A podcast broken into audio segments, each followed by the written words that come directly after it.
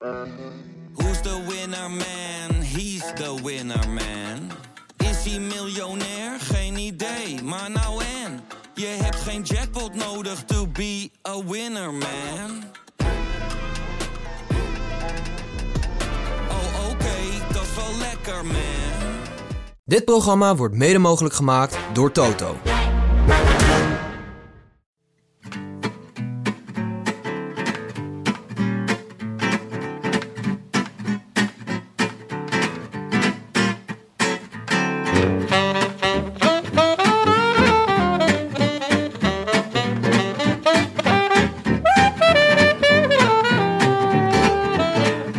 Het is vrijdag 6 juli, een dag voordat de Tour de France 2018 van start gaat.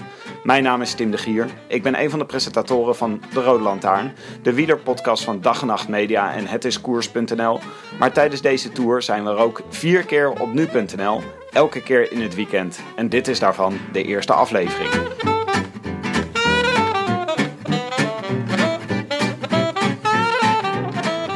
Tijdens deze vier specials bellen wij met Daan de Ridder, redacteur van Nu Sport, die de komende weken vertoeft in Frankrijk om te jagen op het laatste nieuws en de laatste uitslagen.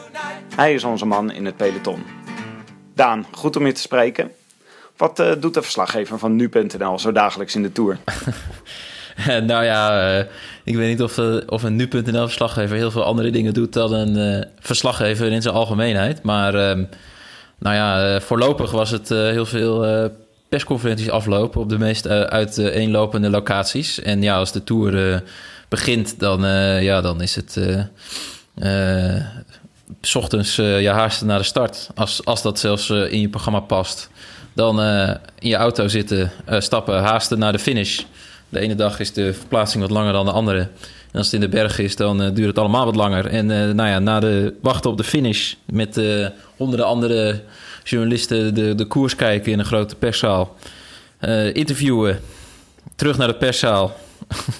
uh, je stukjes uitwerken en dan uh, haasten naar je hotel en hopen dat je ergens in Frankrijk nog wat te eten vindt. Dat is het eigenlijk.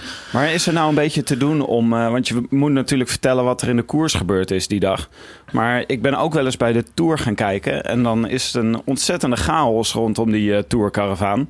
Lukt het je dan wel om, uh, om de koers goed in de gaten te houden, om daar een verslag van te kunnen schrijven?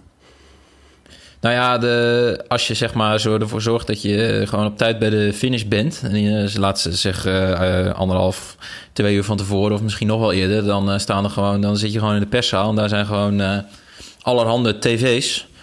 En uh, ja, dus daar kun je gewoon de koers prima op volgen. Uh, inderdaad, als je langs de oh, weg... dus jij zit ook vooral tv te kijken? Uiteindelijk, uh, uiteindelijk is het helemaal niet zo glamorous hoor. Wij zitten gewoon tv te kijken ook met z'n allen. En, want dat is, ja, hoe je het ook bent of keert. Ja, je kunt misschien in de... Nou, ik denk zelfs als je in de ploegleidersauto zit... die zitten gewoon ook tv te kijken natuurlijk. Ja. tv is de beste manier om wielrennen te kijken, waar je ook bent. Ja, nee, precies. Dat is ook onze opvatting bij de Rode Lantaarn. Want wij blijven ook gewoon op onze bank volgens tv zitten. We hebben één keer hebben, uh, hebben we een van ons uh, meegestuurd met uh, Dwars door Vlaanderen. Een koers uit het voorjaar. Toen dachten we ook, nou leuk om een keer een verslaggever in de koers te hebben. En die zat in de achterste auto en die heeft volgens mij één renner gezien. Dat was namelijk iemand die lek was gereden. Maar het heeft dus volgens mij niet zo heel ja, erg veel zin ja. om in, een, in, een, in, zo'n, in zo'n wagen te zitten. Maar is dat, zitten veel journalisten wel gewoon in die, in die achtervolgingswagens van het peloton? Nee, nee, nee, nee. Je, hebt, uh, je kunt wel uh, een accreditatie zeg maar, krijgen dat je avant de koers, voor de koers of uh, achter de koers mag rijden. Maar ja, wat, wat heb je eraan? Ik sprak toevallig donderdag een, een, collega van me die dit al wat langer doet dan ik.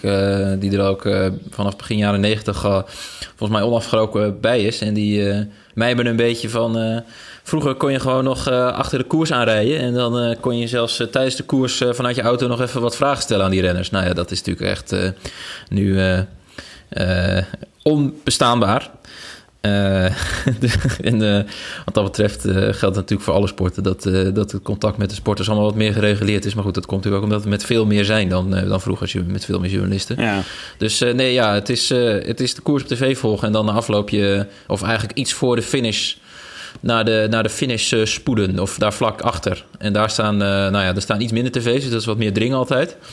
Eh, maar daar hoop je dan ook de finish nog te kunnen zien. Eigenlijk terwijl je er vlak na de finish staat, kijk je hem in principe ook op tv. Ja.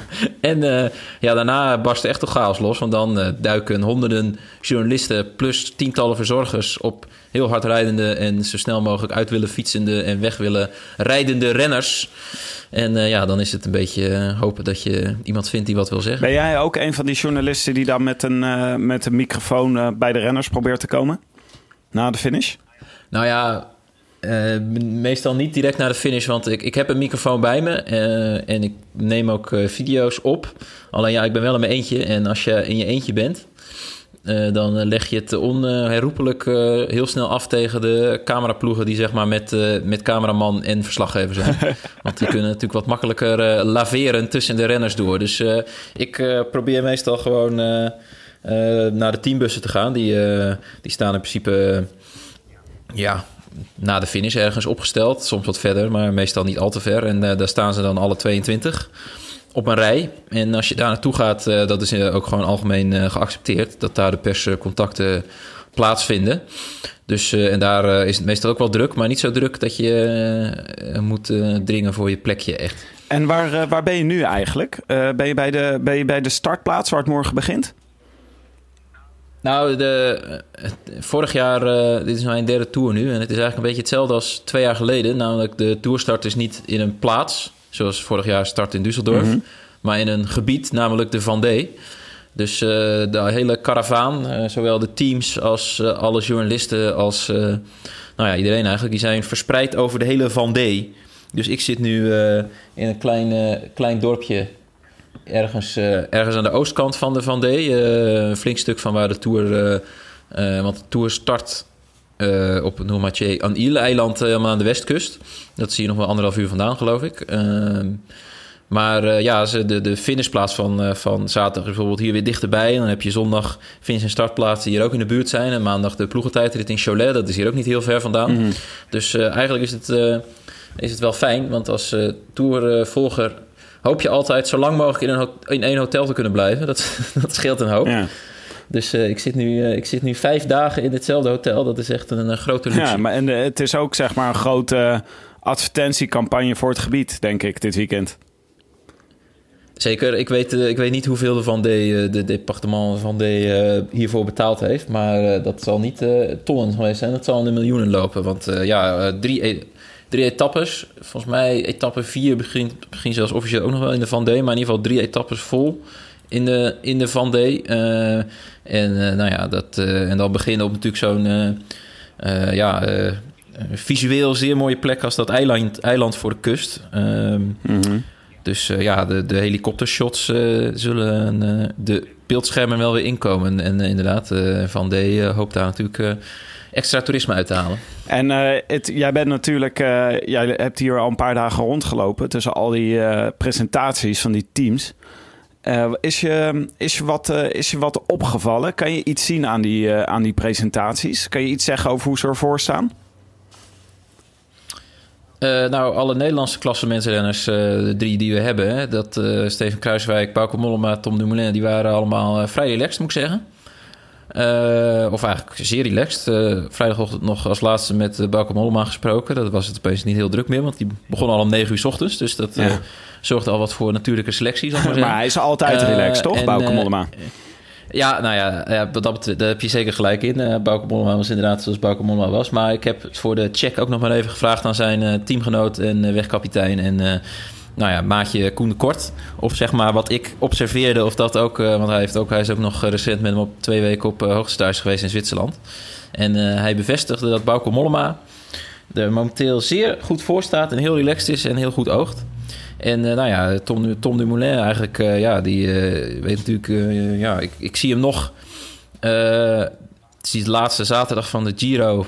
Of eigenlijk die vrijdag was het nog erger over de finish komen van die ja, die bergrit waarin Vroom de macht greep. Uh, en ja, ik heb, uh, ik heb uh, Tom Dumoulin nog nooit zo uitgeput en moe gezien. Maar ja, zeven weken later, nou minder dan zeven weken later, is hij inmiddels zeer monter. Hij noemde zijn hoogtestage, normaal toch een moedje, noemde hij bijna een vakantie. Hij had de hele tien dagen, was het geloof ik, in La Plagne een vakantiegevoel. Het was daar zo mooi fietsen en hij voelt zich, ja Ja, hij zei ja, als ik, hij gaat voor de Giro, gaat hij altijd naar de Sierra Nevada, of in ieder geval de laatste jaren. En dan zit je boven op een berg in een hotel en is er verder niet zoveel te doen. Ja. Dat noemde hij echt een moedje. Alleen La Plagne was zo mooi. Nou, hij had, uh, nou ja, ze sliepen niet in een tentje, maar voor de rest was het uh, alsof je op vakantie was. Bijna met uh, Simon Geske en Surgen Krach Andersen, geloof ik. Was het ook nog gezellig. Ze hebben veel voetbal gekeken, het WK. Oh? ik vroeg nog aan Simon Geske of hij, of hij de Nederlanders, of eigenlijk de Nederlander Tom Dumoulin, veel gepest heeft. Aangezien wij er niet bij waren. Nou, dat, hij bezwoer me dat dat wel meeviel. En dat het daardoor ook wel meeviel, uh, dat gepest terug toen Duitsland uitgeschakeld werd. Maar goed, ze hebben in ieder geval zich vermaakt ja. daar. ze hadden ineens heel veel tijd uh, toen uh, Duitsland er zo vroeg uit lag. Toen wilde Geske ineens wel gaan fietsen. Ja, dat, dat, dat weet ik niet. Maar ja, het, het, WK voetbal, dat was, dat was een goede manier om de tijd te doden. Hè? Want dat is altijd de vraag. Je, moet, je gaat natuurlijk niet 12 uur per dag fietsen op zo'n hoogtestage. Dus je hebt heel veel tijd ja. te doden. En dus wat dat betreft kwam het WK goed uit. Bauke Molla overigens heeft niet zoveel met voetbal. Die heeft, uh, die heeft vooral gelezen, zei Koen de Kort. oh, oké. Okay. Oh, dat is ook altijd geweldig natuurlijk. Uh, het, het, beeld van wat de renners doen, zeg maar, als ze buiten de koers zijn, is natuurlijk heel aansprekend. En ik Nou stel me nu zo voor dat, uh, dat Dumoulin en Geske met z'n tweeën een korte broek op de bank liggen. En dat Mollema en Koen de Kort uh, en Tolstoys met elkaar uitwisselen op de hotelkamer. Nou ja, dat, is, dat is een heel mooi beeld. Dat mag je van mij vasthouden. Ik moet daar wel enigszins de realiteit doen. Van Bauke Mollema is bekend dat hij altijd heel veel boeken meeneemt naar ook de Tour, naar koersen. Dat hij heel veel leest. Koen de Kort die, uh, zat gewoon uh, voetbal te kijken. Die heeft bijna alles Ah. gekeken, zei hij. En die had, ja. ze hadden een, een, Spaanse verzorger of, en een Portugese mechanicien of andersom mee. Dus die waren ook nog wat met elkaar aan het uitvechten, zal ik maar zeggen. Dus. En uh, ik moet heel eerlijk zeggen, van Steven Kruiswijk weet ik niet of hij het WK voetbal heeft gekeken. Dat antwoord moet ik je schuldig blijven. Dat kan ik nog even gaan vragen. Maar uh, ook Steven Kruiswijk was, uh, was ja, die, die, vond, die was relaxed. Die vond, die vond het prima dat alle aandacht nu toch naar Tom de Moulin uitgaat in Nederland. En dat hij vanuit de underdog rol hoopt hij gewoon hier een goed klassement te rijden. Zijn, ja, zijn vorm van de Giro van 2016 toen natuurlijk bijna won. Hè? Toen hij eigenlijk bijna Tom Dumoulin was. Namelijk de man die voor het eerst de grote ronde won. Nederlander die voor het eerst grote ronde won na, wat was het toen? 26 jaar. Ehm, dus ja, prima zegt hij. Ik heb de underdog rol, vind ik, allemaal, vind ik echt allemaal prima. Hopelijk komt de aandacht wel aan het eind. Dat betekent namelijk dat ik het goed doe. Dus uh, ook uh, Steven Kruiswijk uh, lijkt nu nog goed. Maar goed, zodra de Tour begonnen is, hè, dan wordt het ontzettend nerveus. Die eerste week is kans op wind hier zo in het, noord, in het noordwesten van Frankrijk. Een ploegentijdrit. Er komt natuurlijk nog een kasseirit helemaal aan het eind van de eerste week. Dus die, die relaxedheid zal zeer snel omslaan in nervositeit. Maar, maar, om nog heel even terug te komen op die, zeg maar die aanloop naar de Tour. Want we zijn, we zijn natuurlijk we zijn heel erg ons aan het verheugen op de eerste etappes. Maar ik vind toch ook altijd wel interessant uh, de, de aanloop en de ploegen die zich daar allemaal melden. Ben je ook, ga je alleen maar naar de ploegen van de Nederlanders? Of heb je ook, andere, ben je ook bij teamprestaties presentaties van andere ploegen geweest?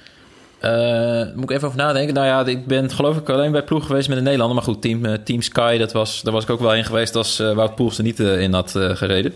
Want dat was Oh ja, natuurlijk. Dat was natuurlijk wel ja. een dingetje. En dat was meteen ook wel de meest, nou ja, bizarre persconferentie die er was. Misschien wel ooit heb meegemaakt. Hier zo in de Tour. Heb jij ook staan joelen daar?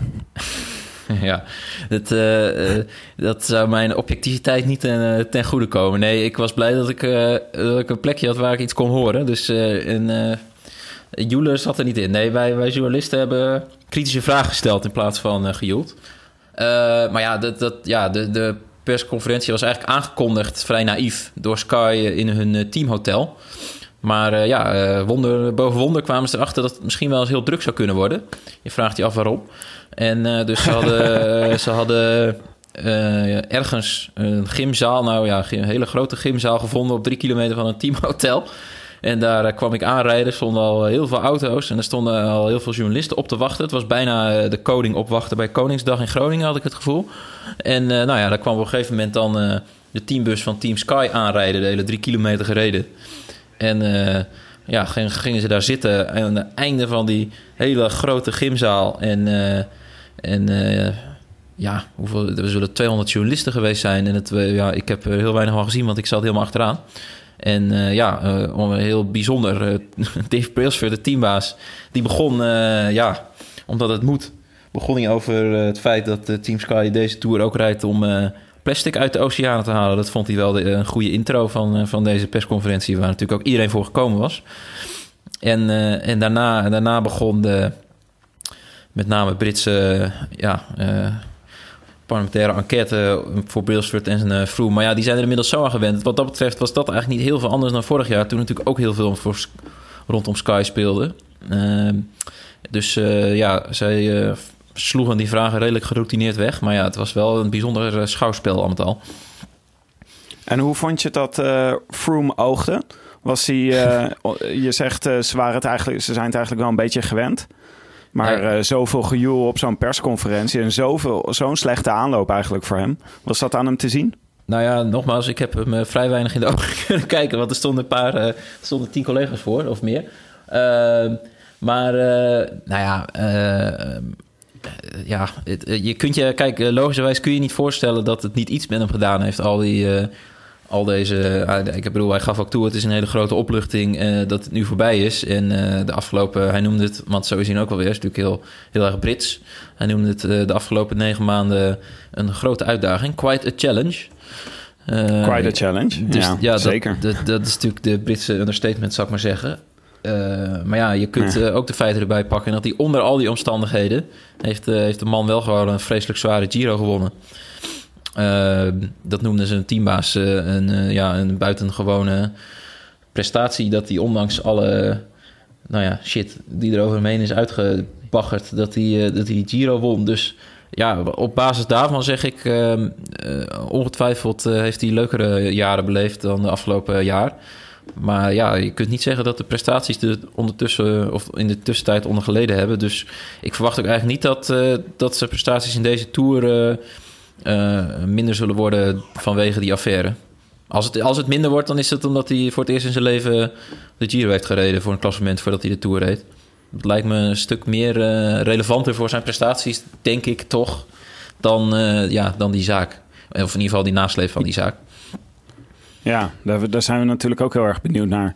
Uh, Daan, tot slot. Uh, iedereen is natuurlijk hier op het, uh, op laatste moment zijn tourpoeltjes aan het invullen.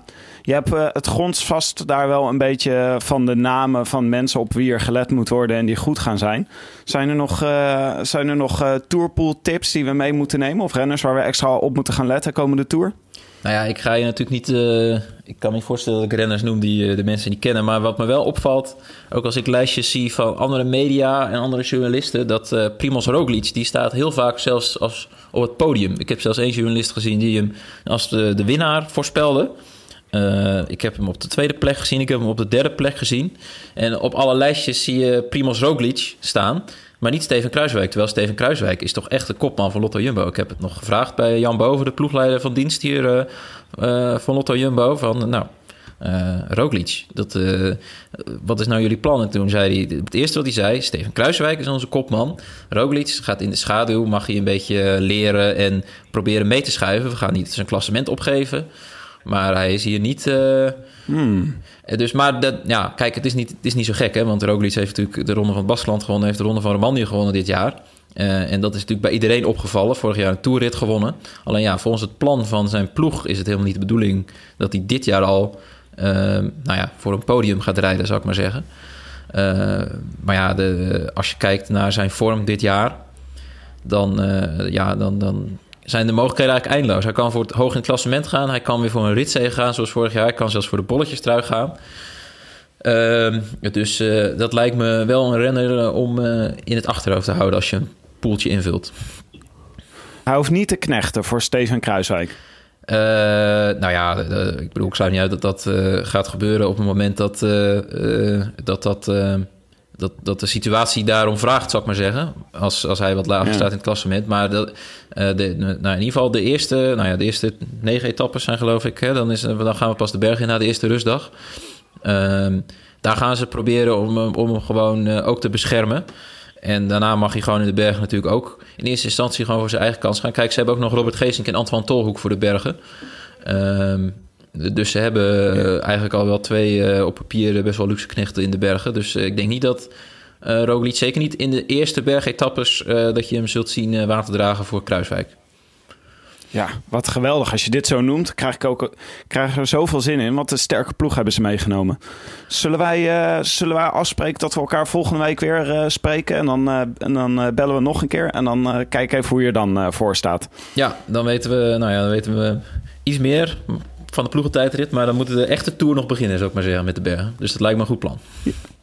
Ja, dan hebben we de, de grote sprints hebben we in ieder geval gehad van de eerste week. Oké, okay, dankjewel Daan.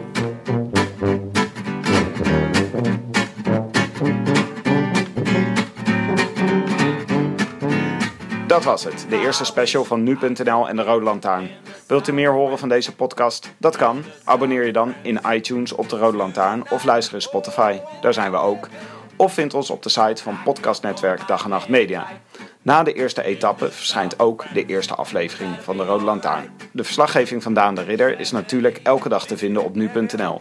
En volgende week horen we wederom hoe het achter de schermen is gegaan. A biento! I wish I could be in the south of France. In the south of France, sitting right next to you.